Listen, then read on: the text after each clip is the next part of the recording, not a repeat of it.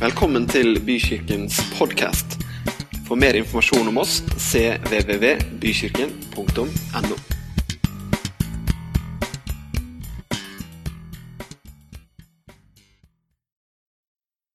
Velsignet søndag. Vi bærer alle på lidelse i ulike former i løpet av livet vårt. Noen mer enn andre. Sorg over noe vi mistet så altfor tidlig. Smerter pga. sykdom. Skuffelse over noe som ikke ble sånn som vi hadde trodd, planlagt eller håpet. Sykdom som rokker ved familier. Vår tro. Og som forandrer så mye at vi ikke kjenner igjen det livet vi en gang hadde. Lidelse rammer oss nådeløst og urettferdig. Lidelse rammer oss på et tidspunkt i livet der vi ikke er forberedt, og der vi kanskje blir ekstra sårbare. Følelsen av svik og skuffelse kan bli så sterk at mørket kan ta overhånd. Og Lidelse det bringer mange spørsmål til oss som kristne. Lidelsens problem det er ukens tema. Og Det er kanskje et tema som vi som kristne, både i møte med hverandre og i tvilsperioder av livet, og kanskje også i møte med, med folk som ikke tror, ikke egentlig har så lyst til å snakke om. Det gjør vondt å snakke om, og vi kommer til kort med å finne gode svar. Denne uken skal vi møte Martha og Maria, to søstre i deres smerte og fortvilelse. Lasarus, deres bror, er syk, og de sender bud på Jesus. Med tro på at han skal komme og helbrede Lasarus. I Johannes 11, 3-4 så leser vi Søstrene sendte bud på Jesus og sa, 'Herre, han som du er så glad i, er syk.' Da Jesus fikk høre det, sa han, 'Denne sykdommen fører ikke til døden, men er til Guds ære.' For ved den skal Guds sønn bli herliggjort. Tenk deg hvordan Martha og Maria kikker ut av vinduet. Går ut på gårdsplassen og forsøker å få et glimt av Jesus der de venter på han i det fjerne. Men Jesus han hadde god tid og ble værende i byen han var. Han hadde en plan som ikke Martha og Maria visste om eller kunne forstå. Så Lasarus dør. Og Martha og Maria fortviler enda mer og kjenner på en stor skuffelse da Jesus endelig kommer. I vers 22 sier Maria, 'Herre, hadde du vært her, var ikke broren min død?' 'Men også nå vet jeg at alt det du ber Gud om, vil han gi deg.' 'Din bror skal stå opp', sier Jesus. 'Jeg vet at han skal stå opp, på, i, stå opp i oppstandelsen på siste dag', sier Martha. Jesus sier til henne, 'Jeg er oppstandelsen og livet'. Jeg vil tro at Martha kjente på litt frustrasjon akkurat når Jesus sier akkurat det. For det var jo derfor hun hadde bedt han om å komme. For å gjøre broren hennes frisk. La både han slippe smerten og sykdommen og det å dø. Og søstrene fra lidelsen og tapet. Vi kjenner historien og vet at Lasarus blir vekket til live da Jesus ber, han, ber de åpne graven hans. Jesus så lenger enn hva Martha og Maria og disiplene gjorde. Til tross for at han lover dem et mirakel, så tror de ikke på det likevel. De forstår ikke rekkevidden av det Jesus faktisk sier til dem. I vers 39 sier Jesus, 'Ta steinen bort'. Herre, sier Martha, den døde søster, han lukter allerede. Han har jo ligget fire dager i graven. Jesus sier til henne, Sa jeg det ikke? At hvis du tror, skal du se Guds herlighet. Så tok de steinen bort. Jesus løftet blikket mot himmelen og sa, Far, jeg takker deg fordi du har hørt meg. Jeg vet at du alltid hører meg. Men jeg sier dette pga. at folket som står omkring, så de skal tro at du har sendt meg. Da han hadde sagt dette, ropte han høyt, Lasarus, kom ut! Da kom den døde ut med liksvøp rundt hender og føtter og med et tørkle bundet over ansiktet. Jesus sa til dem, løs ham og la ham gå. Jeg husker fortsatt at jeg tegnet denne historien i kristendomsfaget på skolen. Jeg hadde en veldig dyktig historieforteller eh, av en lærer. Og jeg ser fortsatt for meg den tegningen jeg tegnet. Og den historien om den bandasjerte mannen som kommer litt vanskelig å gå ut av graven. I historien om Lasarus møter vi ganske mange ulike problemstillinger. Som det kan være verdt å dvele litt ved. Søstrene til Lasarus, de pårørende, de er fortvilet. Og ber innstendig om at Jesus skal komme og helbrede deres bror. Men Jesus svarer ikke sånn som søstrene forventer og ber om. De blir skuffet. Du har kanskje vært i en situasjon der du blir skuffet og har bedt om helbredelse, og ikke fått det svaret du ba om når du forventet det. Jesus gir også et frampek til disiplene om at sykdommen skal komme til Guds ære når han vekker Lasarus til live. Men de forstår ikke hva han egentlig snakker om. Har du noen gang blitt overrasket over Gud? Han påpeker overfor disiplene at da de drar til Lasarus, så skal de virkelig få en trosstyrkende opplevelse. Som de på det tidspunktet ikke forstår rekkevidden av i det hele tatt. De hører hva han sier, men de lytter ikke. Tar det ikke helt inn over seg. Tar du inn over deg 100% hva Guds ord sier om deg og til deg? Jesus kommer for å møte søstrene i deres sorg. Hans trøst er å løfte blikket deres.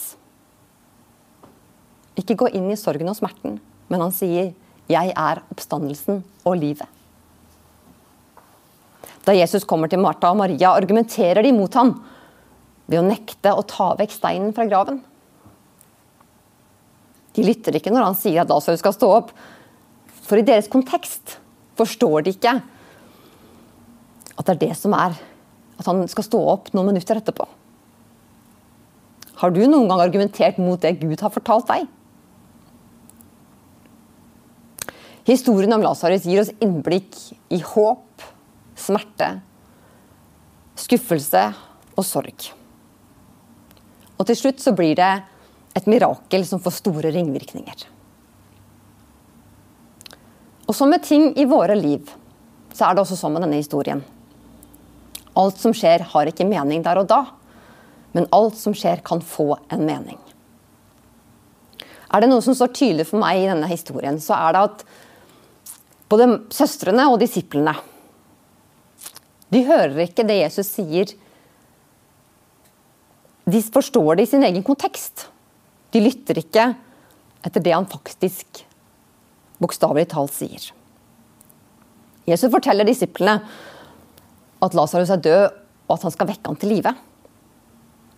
Men de tror ikke at det er det han faktisk skal gjøre, når de går. Og Martha kommer med både tro og skuffelse.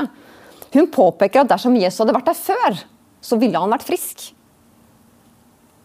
Hun forholder seg ikke til at Jesus sier at han skal stå opp bare noen minutter etterpå. Selv da Jesus sier 'ta bort steinen', argumenterer hun med at dette er ikke mulig. Gud svarer ikke akkurat sånn som vi forventer. I historien om Lasarus møter vi to sorgtunge kvinner. Når de ikke har tro lenger, så snur Jesus hele situasjonen rundt om. Han kommer med liv og oppstandelse. Men når Gud ikke svarer sånn som vi forventer, håper og tror, da er det lett å trekke seg unna. Lidelsens problem kan bli vår vei bort fra Gud. For noen fullt og helt. For andre kan det være å stå på sidelinjen. Vi tror, men vi klarer ikke fullt og helt å overgi oss. Å føle seg sviktet av den vi satte vår lit og tro til, det kan være vondt. Og det er en følelse jeg tror vi må våge å erkjenne. Og jeg tror at Martha og Maria de følte seg sviktet når Jesus ikke kom når de hadde forventet det. Jeg har fått mange kort av mormoren min de siste årene. Og på flere av de kortene så har historien om fotsporene stått. Og I høst så fikk den historien en ny betydning for meg. Det er historien der hvor Jesus går sammen med en mann hvor de ser på livet i tilbakeblikk. Hvorpå personen spør Hvorfor forlot du meg, Jesus, når jeg trengte deg som mest? Hvorpå Jesus svarer at det var de periodene jeg bar deg, fordi det bare er ett sett fotspor i sanden. Om du har jobbet i barnehage, har egne barn, eller har sett foreldre ta med seg et barn ut av butikken, som skriker 'jeg vil gå selv', så vet du hva jeg snakker om. Armer og ben til alle sider. Eller stiv som en stokk. Det er ikke lett å bære noen som ikke vil bli båret. Det er noe ganske annet når det barnet holder rundt halsen din og lener seg inntil. Vi vil så gjerne klare selv, og det vil jeg òg. Og kanskje litt i perspektivet jeg har så sterk tro, så dette går bra. Jeg klarer selv. Men noen ganger så må vi erkjenne at Gud er større enn alt, og at Han er nødt til å bære oss. Og at vi må våge å lene oss inntil skulderen og holde armene fast rundt halsen. Ikke kave med armer og bein i alle retninger, som et frustrert barn som vil klare selv. Jeg trenger å lære meg det og lene meg inntil den skulderen og stole på at jeg blir båret. Jeg husker veldig godt da jeg var fire år og hadde sovnet på vei hjem på en båttur. Vi kom sent hjem. Hvorpå kapteinen på den andre båten skulle ta meg og løfte meg fra båten over på brygga. Og det var en person jeg ikke var så Jeg var litt skeptisk, om jeg kan si det sånn. Men jeg var for sliten til å gjøre motstand, og jeg tenkte kanskje der og da at når pappa lot meg legges meg i de hendene, så måtte det kanskje være trygt. Å stole på Gud er å akseptere at vi noen gang blir båret i retninger vi nødvendigvis ikke forstår eller vet enden på. Men Jesus sier i Matteus 11,28.: Kom til meg, alle dere som strever og har tungt å bære, og jeg vil gi dere hvile. Gud gir hvile. Men vi må tåle å legge alt hos ham. Ikke tviholde litt på den byrden i usikkerheten på om han egentlig kan hjelpe oss. Til tross for det faktum at vi trenger Gud gjennom tøffe perioder, så er det lett å trekke seg unna når det strammer seg til. I frykt for å bli skuffet over at våre bønner ikke blir hørt. Over at ting ikke blir som vi håper. Da er det lett å trekke seg unna Gud. For noen kan det være å snu ryggen til. For andre kan det være å gå så langt unna at man ikke kan bli båret. Det betyr ikke at Gud ikke er der i synsvinkelen din. Du tror, men du klarer ikke å overgi deg. Ikke stole fullt og helt på at Gud er der for deg. Lidelse er ikke en del av Guds plan. Punktum. Sykdom, smerte og sorg kommer ikke fra Gud. Men uansett hva som skjer i våre liv, så har Gud sagt at han ikke svikter oss og ikke forlater oss. Og det løftet kan vi være sikre på at Gud holder. Han gråter med deg når du gråter. Han har vondt når du har vondt. I 5. Mosebok så står det noen oppmuntrende ord å gjenta for seg selv. I 31 vers 6. Herren selv skal gå foran deg. Han skal være med deg. Han svikter deg ikke og forlater deg ikke. Vær ikke redd og mist ikke motet. I møte med Martas fortvilelse så sier Jesus jeg er oppstandelsen og livet. Det er hva vi skal rette blikket vårt mot når vi står midt i smerte og sorg, lidelse og sykdom. Jesus er oppstandelsen og livet. Uavhengig av vår egen tro, uavhengig av vår situasjon og uavhengig av vår type lidelse, så kan vi vite at Gud, vår far, han er der og holder sin hånd over oss. I Salme 27 så står det 'Sett ditt håp til Herren'. Vær frimodig og sterk. Ja, sett ditt håp til Herren. Eller oversatt fra The Message bli hos Gud. Vær frimodig, ikke gi opp. Ja, bli hos Gud. Jesus lærer oss å be i Matteus 6,9. Vår Far, la navnet ditt helliges. La riket ditt komme. Selv midt i lidelse kan vi jakte på en smak av himmel. Gjennom disse ukene med 100 dager så har jeg merket meg en av de åndelige øvelsene som jeg har gjort hver dag. Det er fem minutters lytting i stillhet foran Gud. Noen dager så har det vært på stranden med lyden av bølgeskvulp. Noen dager har det vært med sollys som varmer fjeset. Andre dager har det vært å se på et litt oppløst hav med hvite krusninger.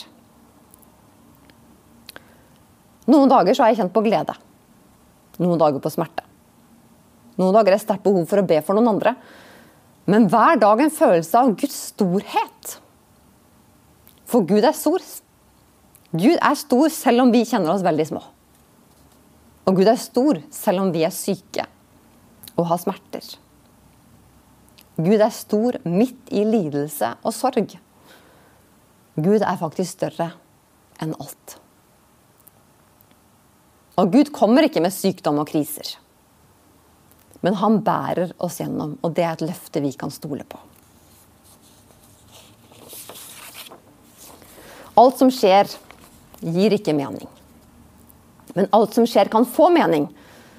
For meg så har krisetid blitt en erfaring av å oppdage Gud på, på nye måter. Både bibelord og hans omsorg. Hans løfter er større og dypere enn hva vi kan forstå. Det fascinerer meg hvordan salmene til David I samme salme kan det være mye smerte og lidelse, men allikevel også mye takksigelse og lovsang. Å lene seg mot Gud, stole på Han, det er ikke noe vi gjør én gang. Det er noe vi må gjenta. Kanskje hver dag, kanskje flere ganger om dagen. Fordi virkeligheten, det vonde, kan innhente oss til stadighet. Gud har ikke lovet oss at alt skal være enkelt, men han har lovet å være der. Midt i storm, når vi føler at vi har gått oss vill, når motløsheten kan virke til å ta overhånd, da har han lovet å være der. Men det er likevel vårt valg å lene oss mot Gud. Vi velger om det er i troen vår vi finner styrke, og om det er Gud som skal være den solide støtten i livet vårt. Martha og Maria får ikke det svaret de forventer, når de forventer det. Og det er mange spørsmål vi kan undre oss over, og bli dypt fortvilet over. Når det kommer til lidelse. Og ingen av oss kan klare å finne svarene. Men det er én ting som lyser klart for meg, og det er at vi skal holde fast og stole på Gud. Midt i alt som er. Og når vi snakker om lidelse, så er det lett å tenke at det må være noe voldsomt. Alvorlig sykdom, død og ulykker. Men lidelse kommer i mange former. Og i grader. Så fortell ikke deg selv at din smerte er en bagatell. Sorg over det vi mistet. Eller aldri fikk. Det vi drømte om, som ikke ble sånn som vi hadde tenkt. Det er en smerte som mange må bære. Men som vi kanskje ikke erkjenner som sorg eller smerte. Bare den vonde følelsen som gnager. Det kan være lidelse, det òg. Jeg tror det hjelper å ta fram smerten og kjenne på den og våge å erkjenne den. Og samtidig legge den hos Gud. Og vite at han tar den. Igjen og igjen. Din lidelse er din lidelse. Gud tar den uansett hva som er utgangspunktet.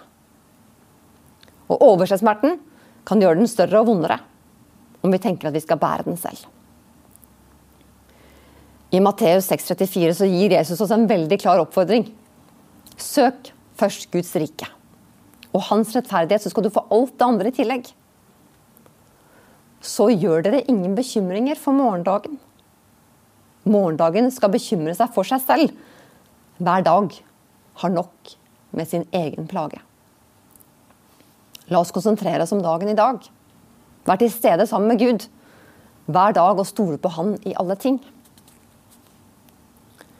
Midt i krise og midt i storm er det ganske umulig å forstå og se at våre tårer og skrik kan få noen betydning.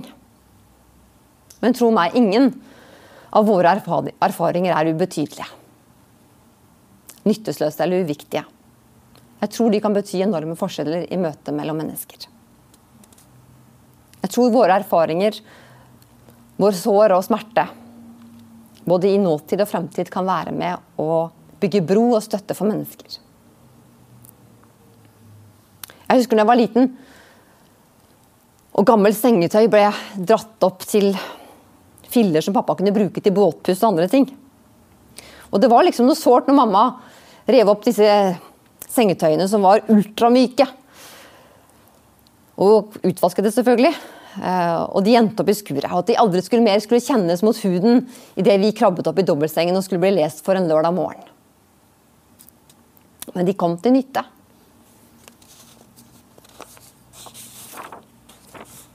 Jeg tror at våre erfaringer og vår sorg, vår smerte og vår lidelse, de kommer til nytte. Fordi det kan bli noen andres trøst. Vi kan tørke noen andres tårer. Være til stede for noen som står i en vanskelig tid, fordi vi har noen erfaringer med oss. Og erfaringen behøver ikke være like, selv om man forstår hverandre. Svaret på lidelsens problem det er at Gud er her for deg og meg. Hans plan er ikke at vi skal lide. Hans løfte er likevel at han skal være der midt i alt som er. Midt i vår uro, sorg og smerte. Så er det viktig at vi retter blikket mot Jesus. På det Jesus gjorde på korset for oss, og legge våre byrder ned der med korset hans. Og Min erfaring er at dette er ikke en engangshandling. For meg kan det handle om å gjøre det flere ganger om dagen. Aktivt velge å legge byrdene hos Gud. Tankene som fyker av sted. Bekymringene som skaper frykt. Smerten som gnager i hjertet. Gud tar det. Igjen og igjen. Og I tørke og ensomhet så kan vi våge å lytte etter hva Gud sier til oss.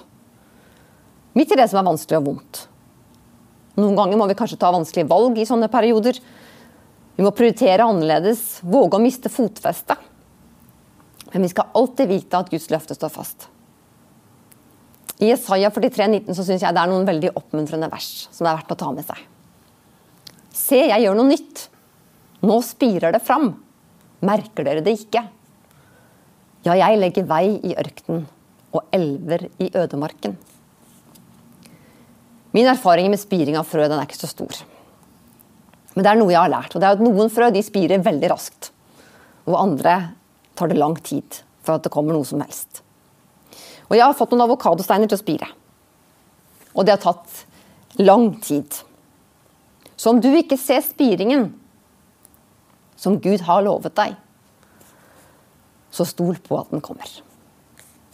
Se, jeg gjør noe nytt. Det spirer fram. Selv midt i lidelse skaper Gud noe nytt.